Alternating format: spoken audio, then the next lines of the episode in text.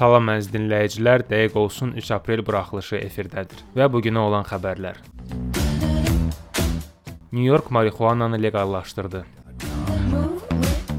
Pfizer-dan yaxşı xəbərlər. Apple-dan Siri-yə böyük dəyişikliklər. Koloradoda 8-ci sinif şagirdi peşəkarların edə bilmədiyini etdi. İndi isə keçək təfərrüatlara.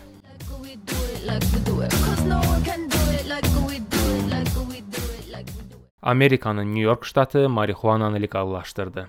New Yorkun qubernatoru Andrew Cuomo çərşənbə günü marixuana satışını və saxlanılmasını tənzimləyən qanun imzaladı.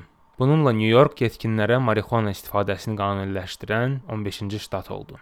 Cuomo Twitterdə bildirdi ki, yetkinlər üçün istifadə edilən marixuananın leqallaşdırılmasına dair qanunları artıq imzaladı. Bu tarixi bir gündür. Liderə və spikerə və çoxlarının yorulmaz təbliğatına görə təşəkkür edirəm deyərək bildirdi.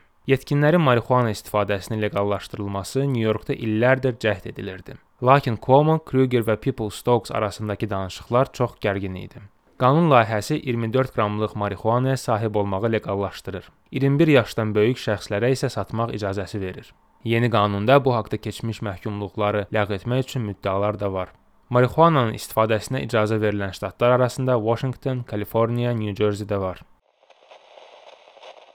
Pfizer-dan yaxşı xəbərlər. Pfizer peyvəndinin COVID-19-a qarşı 6 aydan sonra da təsirli olmağa davam edəcəyini deyir. Pfizer və alman partnyoru BioNTech 44 mindən çox könüllü üzərində davam edən araşdırmaların son mərhələsinin nəticələrini cümə axşamı elan etdilər.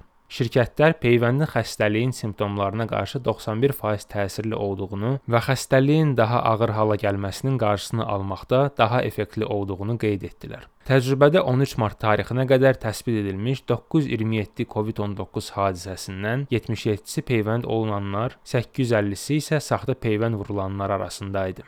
Şirkətlər ciddi bir təhlükəsizlik probleminin olmadığını və peyvəndin Cənubi Afrikada ilk aşkarlanan varianta qarşı da effektiv olduğunu deyir. Böyük Britaniya və ABŞ keçən ilin sonlarında Pfizer peyvəndinin istehsalı üçün icazə verdilər və bunun ardınca bir çox digər ölkələr onları izlədi. Peyvəndə 16 yaş və yuxarılar üçün icazə verilir. Bu həftə şirkətlər 2260 ABŞ könüllüləri arasında aparılan bir araşdırmaya əsaslanaraq 12 yaşından kiçik uşaqlarda da peyvəndin təhlükəsiz və güclü qoruyucu olduğunu söylədi. Bu araşdırma gələn payız dərslər başlayana qədər uşaqların peyvənd olunma ehtimalını artırır. Uşaqlar ABŞ-da sənədləşdirilmiş COVID-19 hadisələrinin təqribən 13%-ni təmsil edir. Uşaqların xəstələnmə ehtimalı böyüklərdən daha az olsa da, yalnız ABŞ-da COVID-19-dan ən az 268 uşaq ölüb və 13500-dən çoxu xəstəxanaya yerləşdirilib. Apple-dan Siri-yə böyük dəyişikliklər. Apple Siri-nin ingilis dilli versiyasına 2 yeni səs əlavə edir. iOS-un sonuncu beta versiyasında birbaşa qadın səsi seçimini aradan qaldırır. Bu o deməkdir ki, Siri quran hər bir şəxs özü istədiyi səsi seçməlidir. Yenilənmənin beta versiyası proqram iştirakçıları üçün artıq əlçatandır. Səs köməkçilərinin ilkin səsinin hər zaman qadın olması son bir neçə ildə köməkçi xidmətlərində ayrı seçkilik mövzusunu gündəmə gətirmişdi. Siri köməkçi xidmətlərindən birincisidir ki, heç bir standart seçim edilmədən seçimi tamamilə istifadəçiyə buraxır. İki yeni səs Siri-nin səslərini arzu olunan müxtəlifliyi də gətirir istifadəçiyə istədiyi səs tonu və danışıq tərzini seçməyə imkan verir. İngilis dilində danışanlar üçün iki yeni Siri səsi və Siri istifadəçilərinin cihazlarını qurarkən istədikləri səsi seçməsi funksiyasını təqdim etməkdən məmnunuq. Apple verdiyi açıqlamada bunu söylədi. Bu Apple-ın uzun müddətdir ki, müxtəliflik və hər kəsi düşünmək prinsipinin davamıdır. Məhsul və xidmətlərimiz yaşadığımız dünyanın müxtəlifliyini daha yaxşı əks etdirmək üçün hazırlanır. Bu son beta İrlandiyadakı, Rusiyadakı və İtaliyadakı Siri səslərini Neural TTS-ə yüklədərək yeni texnologiyanı istifadə edən səslərin sayını 38-ə çatdırdı. Siri 500 milyondan çox cihazda ayda 25 milyard əmri həyata keçirir və 36 ölkədə 21 dili dəstəkləyir. 8-ci sinif şagirdi peşəkarların edə bilmədiyini etdi. KCNC xəbər verir ki, Koloradoda 8-ci sinif şagirdi Boulder bölgəsində gəzinti zamanı Tyrannosaurus dinozavrının dişini tapıb. Dişi tapan Jonathan Carpenter heç belə bir şey gözləmirdim dedi.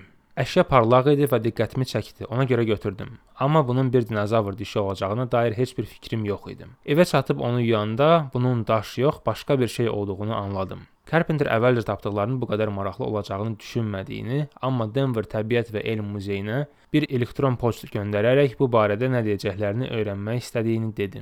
O tapıntının 60 milyon il əvvəl ərazidə yaşamış bir növ olan T-Rex-ə aid olduğunu öyrəndikdən sonra onu muzeyə verdi. Arxeoloq Joe Sertich diş tapılan yerin ölkədə başlıca T-Rex ərazisi olduğunu və bu tapıntının bölgədə yeni araşdırmalara səbəb olacağını bildirdi. Carpenter son vaxtlar dinozavr kəşf edən tək uşaq deyil. Yanvar ayında 4 yaşındakı bir qız Cənubi Uelsdəki bir çimərlikdə gəzərkən 220 milyon illik pozulmamış dinozavr ayaq izi tapmışdı.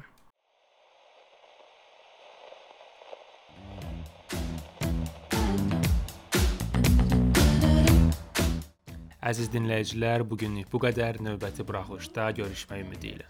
Sağ olun. 13, you've been working, but you're flirting shine when the light.